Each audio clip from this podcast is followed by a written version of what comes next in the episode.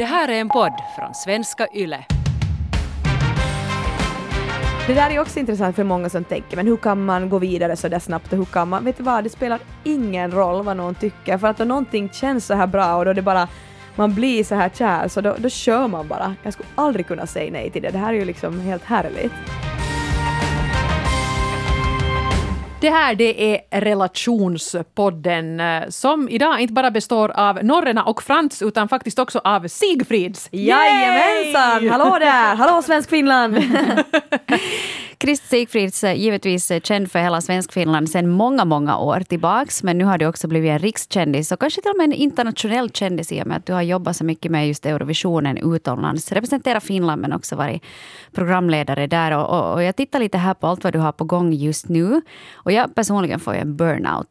Det, det, det, jag liksom ser, vet du, det är klädkollektioner, det är tv-program och det är egen musik och det är programledarskap. Mm. Uh, hur lyckas man liksom överhuvudtaget ha ett privatliv då man är Krista Sigfrids 2020? Uh, eh, jag är jättesnabb.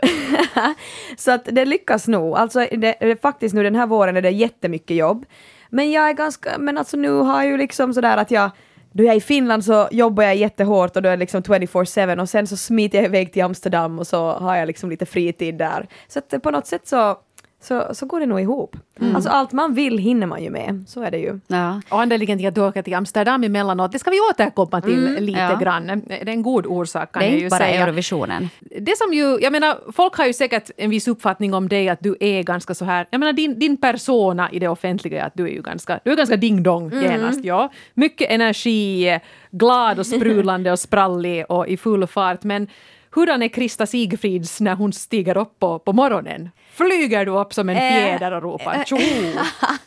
Ibland. Det beror lite på vad som är, vad som är på gång. Nej men, eh, men jag, har, jag har ganska mycket energi och jag brukar ändå sådär försöka alltså göra det bästa av situationen alltid. Så till exempel min morgonrutin är ju att jag stiger upp och så sätter jag direkt på musik som jag gillar bara för att få bra filis, mm. bra start på dagen. Sen oftast så brukar jag faktiskt träna på morgonen. Jag tycker det är mycket roligare att träna på morgonen än på kvällen, för att sen på kvällen är jag så trött efter allting, så jag gör det på morgonen så har jag det gjort. Och då liksom, det är en jättebra start på dagen tycker jag. Och sen kör man igång helt enkelt. Så startar jag så där så brukar det nog bli en ganska bra dag. Mm. Nu känner vi oss lite skamsna. Ja, alla, alla, har lite prestationsångest. Men alla ska ju sätta på musik i alla fall. Ja, det kan man göra. Det är nog en bra idé. Mm. Ja, faktiskt. Ja. Jag har haft sån här, vet du, perioden att jag satt på disco alltså man kan ju inte bli på dåligt humör om mm. man sätter på disco ja. direkt från morgonen. Men det där är ju bra, liksom anfall är bästa försvar då ja. man stiger upp på morgonen. Men, ja. men äh, stämmer den här bilden då av dig att du är just väldigt sådär på och glad? Du sa att du har mycket energi mm. och sådär, men har du någonsin liksom en, en dålig dag? Såklart, och också ibland såklart du är jättetrött kan vara ibland också då det blir mycket, mycket jobb och sånt. Men sen, sen äh, ja, försöker ju samla min energi på något sätt då, sen hemma. Inte det är ju som att jag är hemma hela tiden, woho!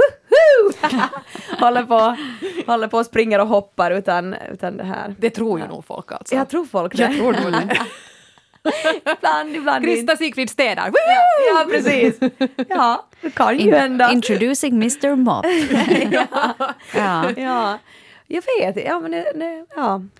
Men, men hur, hurdan är din relation till dig själv? Om, om vi tänker liksom på hur, vilket förhållande har du till dig själv? För vissa av oss är ju så att vi är ganska hårda. Mm. Vi är mest hårda mot oss själva, mm. mer hårda än vad vi är kanske mot andra. Mm. Och, och, och, vissa är sina egna bästa hejaklacksledare. Var någonstans på den här skalan tycker du att du själv hamnar? No, jag är nog lite både och. Det, det, kan bero lite på. Ibland kan jag nog vara väldigt hård mot mig själv, men det blir som, eh, det blir som så tungt och negativt och tråkigt då, så jag brukar ganska snabbt vara så där att äh, skit i det här och så går jag vidare liksom. Att jag, jag håller inte på, liksom, jag försöker sluta med att jag, att jag ältar saker och ting, utan jag bara kör vidare helt enkelt. Mm. Um, och då är det och sen, kanske till och med bra att ha en fullspäckad kalender, att du inte har så mycket utrymme att sitta där och nej. gräva ner dig i en grop. Nej men precis, liksom, det är klart att man alltid, ja jag hade kunnat göra någonting bättre, jag hade kunnat programlet lite bättre, jag hade kunnat sjunga lite bättre, jag hade kunnat vara lite mer tränad, jag hade kunnat vara lite mer snyggare, men, men liksom, ja, det blir ju bara en negativ spiral om man tänker så. Så mm. istället tänker man, ja, det där gjorde jag bra, men jag kan göra bättre nästa gång och så kör man vidare. Det var nå jag tror det var min kära mor som faktiskt sa till mig någon gång då jag hade just dålig filis för att jag hade glömt någonting eller mockat någonting och sådär. Så sa hon, jag tror visst att jag hade glömt något. Och så hon sa att men Kommer ihåg, tänk på alla de saker som du faktiskt kommer ihåg. Och, och då inser man ju, eller samma som Ja. att för allt vad du gör bra så oftast är det Ja. ändå liksom 90 procent går helt bra. Ja. Och sen fokuserar man lätt på de där 10 procenten Ja. som var lite sådär. Ja, men jag tycker nog att, att jag, genom hela mitt liv har jag ändå varit ganska bra på att fokusera på det positiva. Eh, och det har tagit mig framåt, alltid. Och just i och med att man blir äldre så blir det ännu mer så att man är sådär kanske lite snällare mot sig själv. Och sen också en sån tanke att jag tycker ju själv att, att perfektion är jättetråkigt. Så det att, nå, att, man är, att man inte är helt perfekt och allt man gör inte är perfekt, det är, blir ju liksom intressant. För det, din personlighet kommer ju igenom där. Ja. Och jag, jag, ja, men det, där, det, där, det är mycket som faller på plats när du säger det där, för att jag har, ju, jag har nu i ganska många år suttit och tittat på när du programleder och när du övar och sånt också. Och då måste jag säga om det att du är mest briljant då när någonting skiter sig. Ja. Och du improviserar, du är så att jaha, nej men ser du, nej, vi har inte alls den franska juryn med, nej men vet ni ja. Ja. Och det är ju då liksom som det faktiskt glimrar till, du är liksom lysande hela tiden, men då blir det liksom dynamit. Ja, men det är det jag menar, att, att man ska inte tänka så mycket på det där att, det kunde ha, att man kunde ha varit perfekt, för det är ändå inte intressant. Mm. Men du Krista, du, har ju varit som sagt eh, känd för Svenskfinland väldigt länge, egentligen hela ditt vuxna liv och nu är du då rikskändis och, och och också Internationell. internationell kändis också.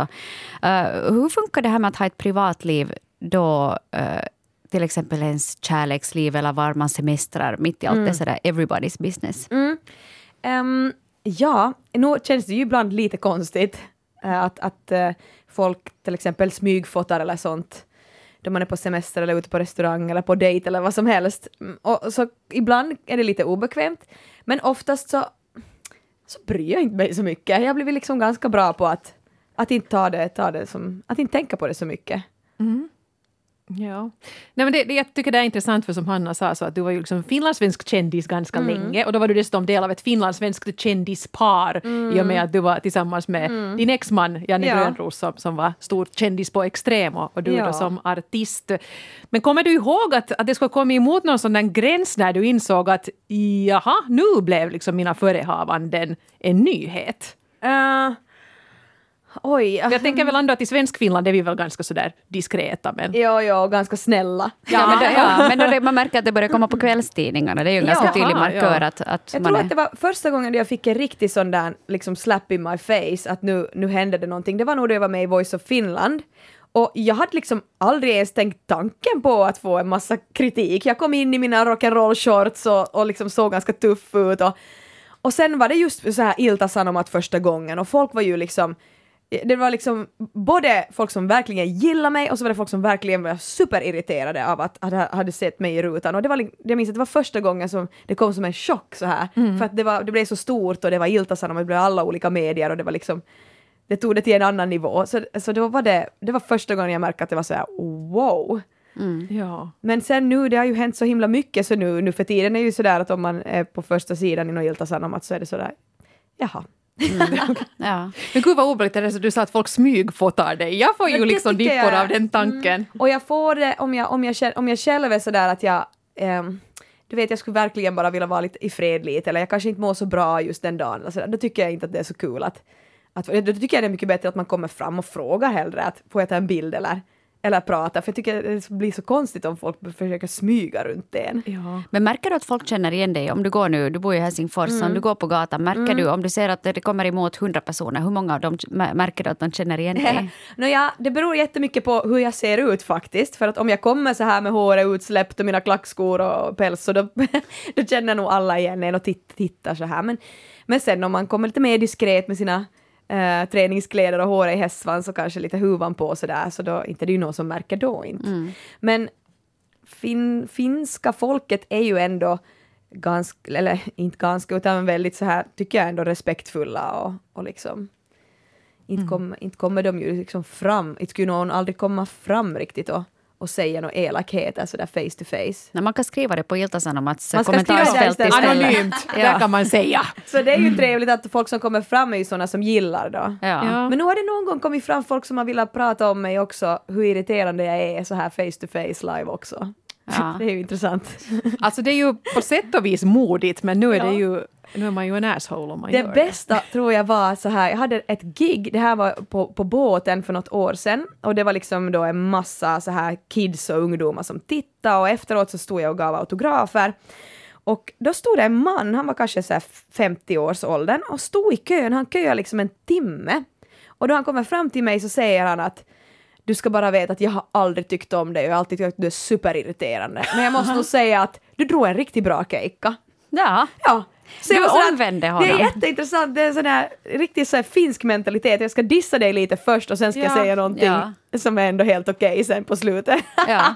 jag bara skrattade för jag tyckte att det var så märkligt. Jag skulle aldrig göra det där själv. Och tänk att han ändå liksom stod i kö Ja, han gjorde det och så han ville ha både autograf och bild så att det var nog ja, mycket intressant. Du får Ja. omvända dem en i taget, Ja, alla exakt. tvivlare. Ja. Men hörru, hur har det varit för dig? För du är ändå hemma från Kaskö, en, en liten stad så här. Mm. Och, och alla vet vi ju, vi som har någon typ av kontakt i den österbottniska slätten, är ju det att man ska ju inte tro att man är någon. Nej. Och man ska inte göra något nummer av sig. Nej, just det. Och man ska helst eh, tala på innan ni. Och så Ja, här, så, men, men hur har liksom folk eh, i dina hemsopor tagit det att du nu är en stor kändis? Skvallras det mycket om det? Att ja, ja, hon har nog blivit så annorlunda förr eller, eller sådär. Tycker du att du märker av en sån här missundsamhet? Um, nej, faktiskt inte. Alltså där måste jag säga att jag tycker faktiskt alltid att jag har haft sådär, vet du, kaskö i ryggen och, och närpes och var, så att folk har liksom varit stolta och, över mig och tycker att det är roligt, vet du, då det händer saker och roligt att följa med och sådär. Så att jag tycker nog att jag har upplevt en sån här positiv filis från mina hemtrakter alltid. Ja. Eh, du och Janne Grönros, som Mm. många känner givetvis från uh, Yle Extrem, där han jobbar många år och sen jobbar på Aftonbladet TV, gjort en fin karriär i Sverige också. Så, så ni har ju varit tillsammans i ungefär 150 år. Mm. Och ni, Det måste ju ha varit ikusmå när ni blev ihop. ja, Ja, 19. Ja, Ja. ja. Det var ju ljuvligt. Och, och då, folk följde ju med dig och han var ju kanske en större kändis först och sen liksom seglade du på något vis förbi då. Ja. I, i din, eller du tog din motorbåt och så körde du lite förbi. Men ni var ju ett sånt här radarpar. Hur, hur var det liksom att vara ett sånt här uh, kändispar? Oj, alltså, vi, jag tänkte ju vi aldrig på, på det, att det var så inte.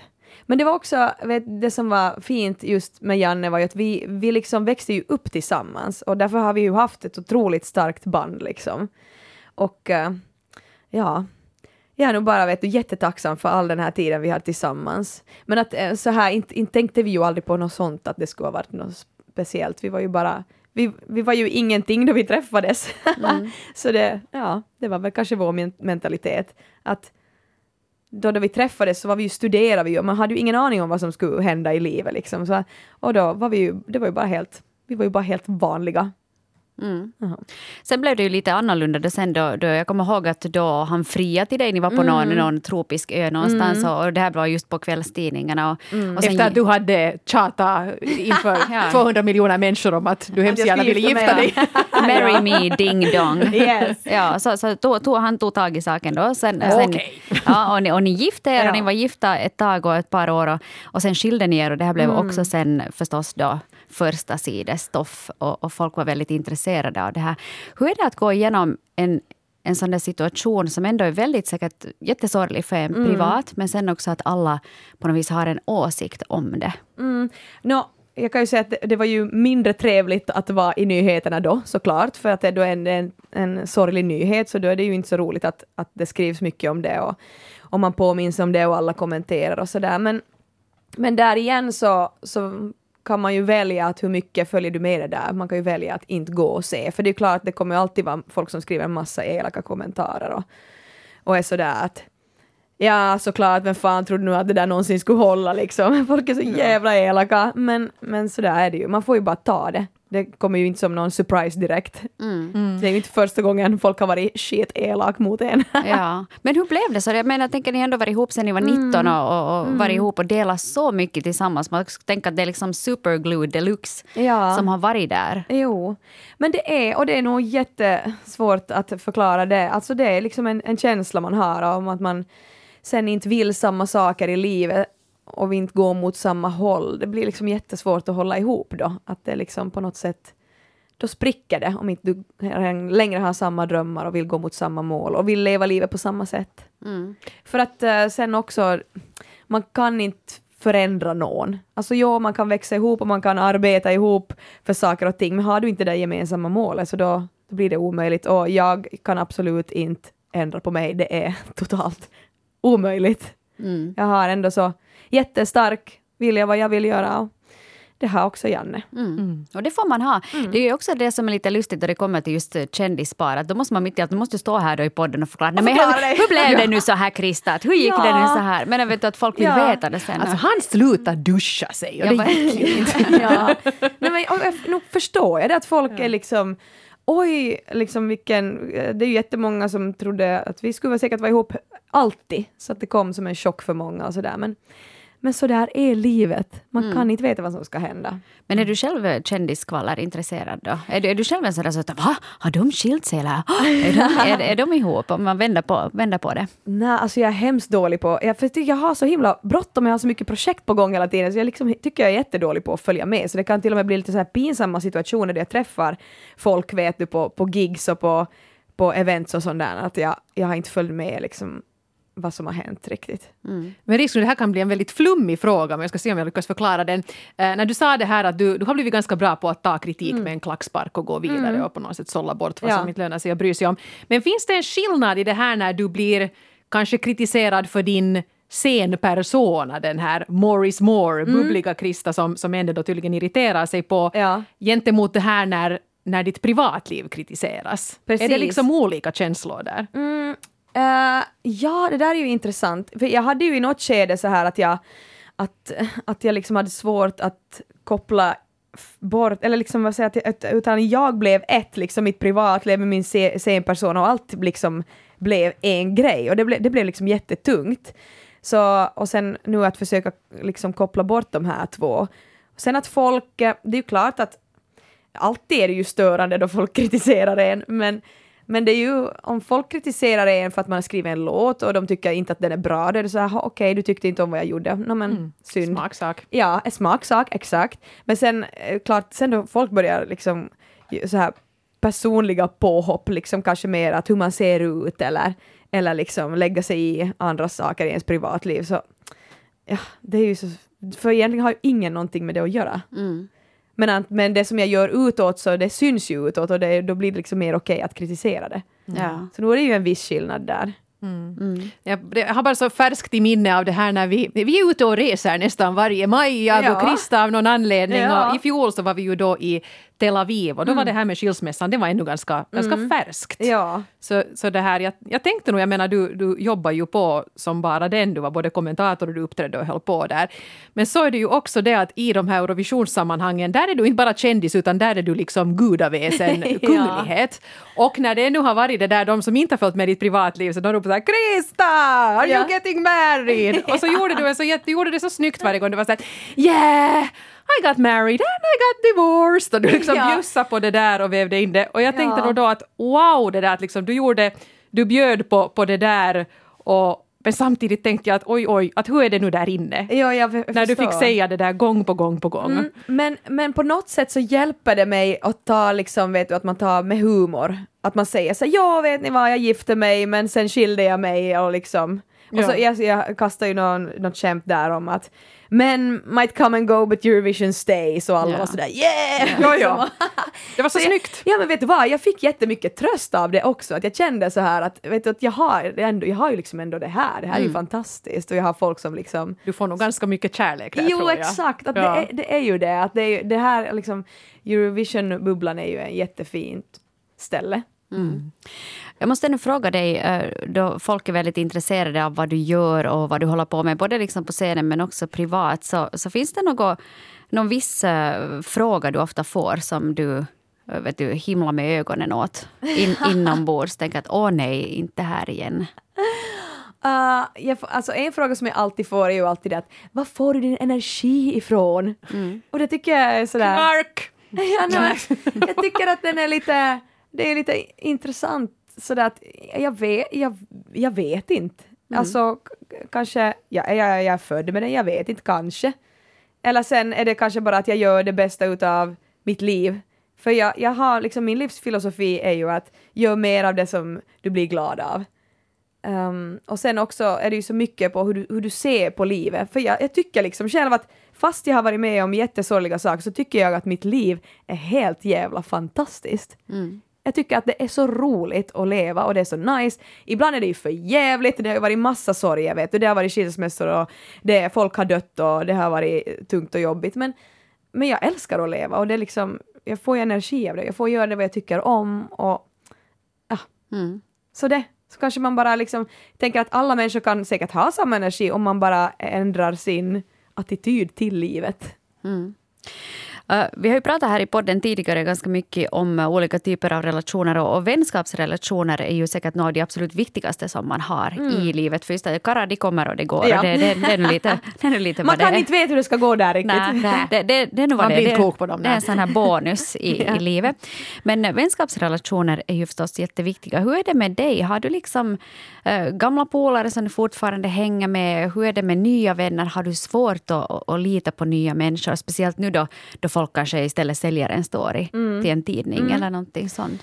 Nå, eh, ja, jag håller med, alltså vänskapsrelationer är ju jätteviktiga. Att, eh, till exempel, men, men att jag har inte nu liksom så här vänner som, eh, från Kaskö som jag håller massa kontakt med. För jag tror, att, jag tror också så att vissa vänner, så man växer åt olika håll, man gör olika saker. Det där glappet blir liksom för stort för att du ska, man kan inte liksom tvinga fram vänskapsrelationer heller och, och att man måste liksom hålla kontakt utan jag är med sådär att sen om man träffas och är det roligt och så snackar man lite om man råkar träffas på julen i Kaskö men det är inte så att vi håller kontakt och träffas. Men sen då de här vännerna som jag träffade och jag studerade i Vasa så de har vi faktiskt så här kul att vi, vi träffas en gång i år, att vi reser någonstans och så, så hänger vi då och så har vi kul. Men att samma sak där, att man alla har så olika liv och lever i olika länder och städer, att man kan inte där heller liksom försöka tvinga fram någonting, att nu måste vi ses en gång i månaden, för det är helt omöjligt. Att, att jag tycker om sådana vänskapsrelationer där det inte blir ett tvång, utan att det är liksom härligt då man ses och, och man kan ringa ibland och man kan messa ibland, men att men det att man skulle ses varje dag, det blir liksom omöjligt. Men hur är det med nya kompisar? Om du träffar nya människor Mm. så, så är du en sån som har lätt för att lita på nya potentiella vänner? Ja. Eller, eller är du lite misstänksam av dig? Sådär? Nå, jag tycker ju själv att jag är en jättebra människokännare. Så att jag, jag känner liksom, tycker jag direkt så här vem man kan lita på och vem man gillar. Och sen måste jag säga att just i det här arbetslivet så har det kommit några sådana här människor som man verkligen har klickat massor med. Så man har liksom samma intressen med och som man delar någon slags lite sån där uh, själs eh, Eh, uppfattning med. Till exempel Elias Koskimies som jag gör UMK med, som är där och, och skriver manus. Så honom har jag ett väldigt speciellt band med och honom har jag träffat just i vuxen ålder. Jag tror vi träffades första gången på The Voice of Finland för han var där och jobbade och där liksom klickade vi som vänner på något sätt då. Och, och att just det, de här kom ju. Och sen är det ju jätteroligt också att då jag har åkt till Amsterdam där jag nu har min nya pojkvän, där har jag ju också träffat folk som är liksom jätteroliga och de har ju ingen aning om vem jag är. Så, så att då får jag liksom träffa folk där på ett he- helt nytt sätt. Ja, att ingen, ingen har några förutfattade Nej, ingen meningar har om dig. förutfattade Mm. meningar om mig, utan det är bara liksom vi, man liksom har så trevligt som man, man gör det och, och du lär känna människor på ett, på ett annat sätt med att de har ingen baktanke eller de har inga förutfattade meningar eller de vet inte vad man har gått igenom och, och så vidare. Mm. Här kommer vi ju då förstås in på det som folk säkert är jättenyfikna på, åtminstone jag och Hanna är. Eh, en sån här person som du kallar Mr Amsterdam som plötsligt dök upp här i ditt Insta-flöde. Ja. Vad är det för en och varifrån kom han? Från Amsterdam kanske? Jag då? valde han då för att Eurovision är i Holland i Ja. år. Bra, så det bra. är därför jag Nästa år valde en kanske det är där. ryss och sen kanske man det- vet aldrig. Vi får se. Men han är nog så härlig att eh, jag kan inte liksom eh, bara uh, vara utan honom. Och det där är också intressant för många som tänker, men hur kan man gå vidare så där snabbt och hur kan man, vet du vad, det spelar ingen roll vad någon tycker, för att då någonting känns så här bra och då det bara man blir så här kär, så då, då kör man bara. Jag skulle aldrig kunna säga nej till det. Det här är ju liksom helt härligt. Men var, vi, vi lovar faktiskt, vår, vår producent sa att fråga henne hur man dejtar när man är kändis, att kan man liksom till exempel vara på Tinder? Nej, Har jag du skulle några tankar om det? aldrig gå till Tinder, fy fan, det skulle aldrig hända. Nej, utan det här var också det här var absolut ingenting som jag planerade eller trodde skulle hända, eller nej, och en holländare, jag hade aldrig tänkt eh, att, att det skulle liksom kunna hända. Och det här var bara på grund av att vi hade gemensamma vänner. Mm. Så, så, så, så träffades vi. Ja. Var det några vänner du hade, ja, du hade haft några spelningar där eller hur hade liksom de Ja, här... alltså, jag gjorde ju en sån här eh, dinner show i Helsingfors där jag hade holländska dansare. Ja, ja, Mm. ja, ja. Och så åk, åkte jag förstås och hälsade på och hade kul där och så träffade jag nya människor och, och så, ja, snygga karlar i Holland. Ja.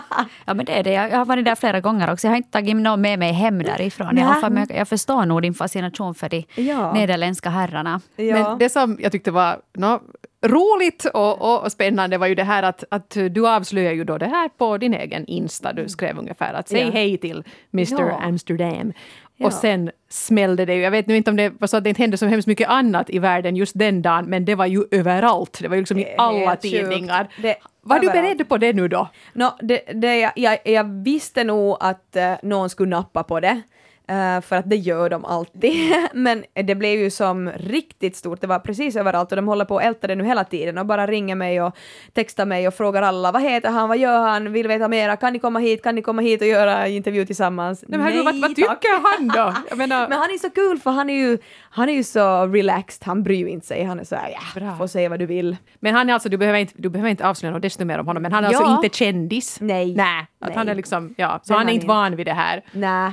Mm. Men äh, ja, Nu måste du avslöja något åt honom, säger Ja, du Hanna. måste ju säga någonting om honom. Kan Ja. vi vara sådär att du behöver inte säga någonting. Nu är ju här, det är nu du ska säga någonting Säg allt! Nej, men han, Signifikanta mått. han är, han, han, han är företagare och han har ett företag som ordnar events och konferenser till andra företag, så han har också ett sånt här eh, kreativt jobb, men på lite annat sätt.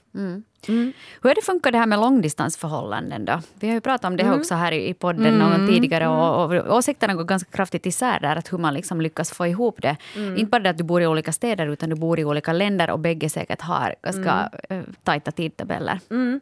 Nå, nu till en början då man är så nykär så är ju allting känns ju lätt och ingenting är något problem och man reser båda två och far av an hela tiden. Jag tror det längsta vi har varit ifrån varandra är liksom en och en halv vecka till två veckor. Att, att det här Åh. är det inte så paha liksom. Men sen jag åker dit, jag älskar ju att vara i Amsterdam, jag är ju inte bara kär i honom, jag är ju helt superkär i Amsterdam också, det är ju en helt fantastisk stad, roligt att vara där. Men han har ju också varit här, han har ju ganska flexibelt jobb, han kan också jobba då han har laptop och telefon, så han kan också vara här. Han har också varit här i Helsingfors. Har han varit i Kaskö? här. Han har varit i Kaskö till och med. Ja, på julen var han väl där, Ja. tycker jag såg på din Insta. Ja. ja, så att, eh, ja, nej men alltså hittills funkar det bra, men, men vad vet man här i livet? Man har ju ingen aning om vad som ska hända, utan nu bara um, njuter man av den här stunden. Och det är jag proffs på. Jag, liksom, jag, jag är bra på det. Jag tar ut allt här nu och har kul och mår bra och njuter av det och funderar inte för mycket. Men du, du sa här tidigare så sa du då att, att du är ganska... Det är viktigt för dig att, att du ska kunna sätta upp ett mål och gå ditåt och att ingen partner eller något sånt ska sätta käppar i hjulet för det. Nej. Vad är ditt mål just nu? Vart, vart vill du? Om vi nu tar en sån här kanske treårsperspektiv. Treårsplan, oj vad svårt det är, för jag, jag, jag går ju jättemycket, jag planerar ju inte så mycket, utan jag går så himla mycket på känsla. Och eh, jag, blir lite nervös bara när du säger att det är så ljuvligt i Amsterdam. Att, Mm. Är du väl dit nu bara? Det kan nog hända att det blir, att det blir så att jag flyttar dit, men, men då jag, jag tycker inte att det är något problem i dagens läge mer var man bor. Alltså det är så himla lätt att, att liksom resa för jobb, det gör jag ju ändå hela tiden. Reser för kejkor och reser för jobb. Och, Av och an åkte du ju mellan Ja, vad- Sverige och Finland ja, här också. exakt, och, och överallt på, på jobb. Och sen till exempel nu, jag har ju jättebra, just nu bor jag ju i ett sånt här ställe som är just så att de erbjuder färdigmöblerade lägenheter, lite som ett hotell men det är ändå mer som ett hem, att du kan ha, du har allt där färdigt och du kan göra din egen mat och, och allt det där. Så att, och då tänkte jag så att här, alltså nu är det ju fint att leva i den här moderna tiden. Du behöver inte ens ha en sån här egen, signa ett kontrakt för ett år liksom och hyra en lägenhet eller Gå köpa på någonting. gårdsbolagets möten. Och, Nej, utan jag kan bara, då kan jag ju till exempel hyra det här, då det kommer jobbprojekt, kan jag vara här. Det är så lätt allting nu för tiden, det är fantastiskt. Härliga grejer. Mm. Stort tack till dig Krista för att du tog dig tid att gästa oss. Tack, det här var ju roligt. sa hon förvånat. Lycka till med allting och, och hälsa så hjärtligt till Amsterdam också. Jag ska göra det. Tack.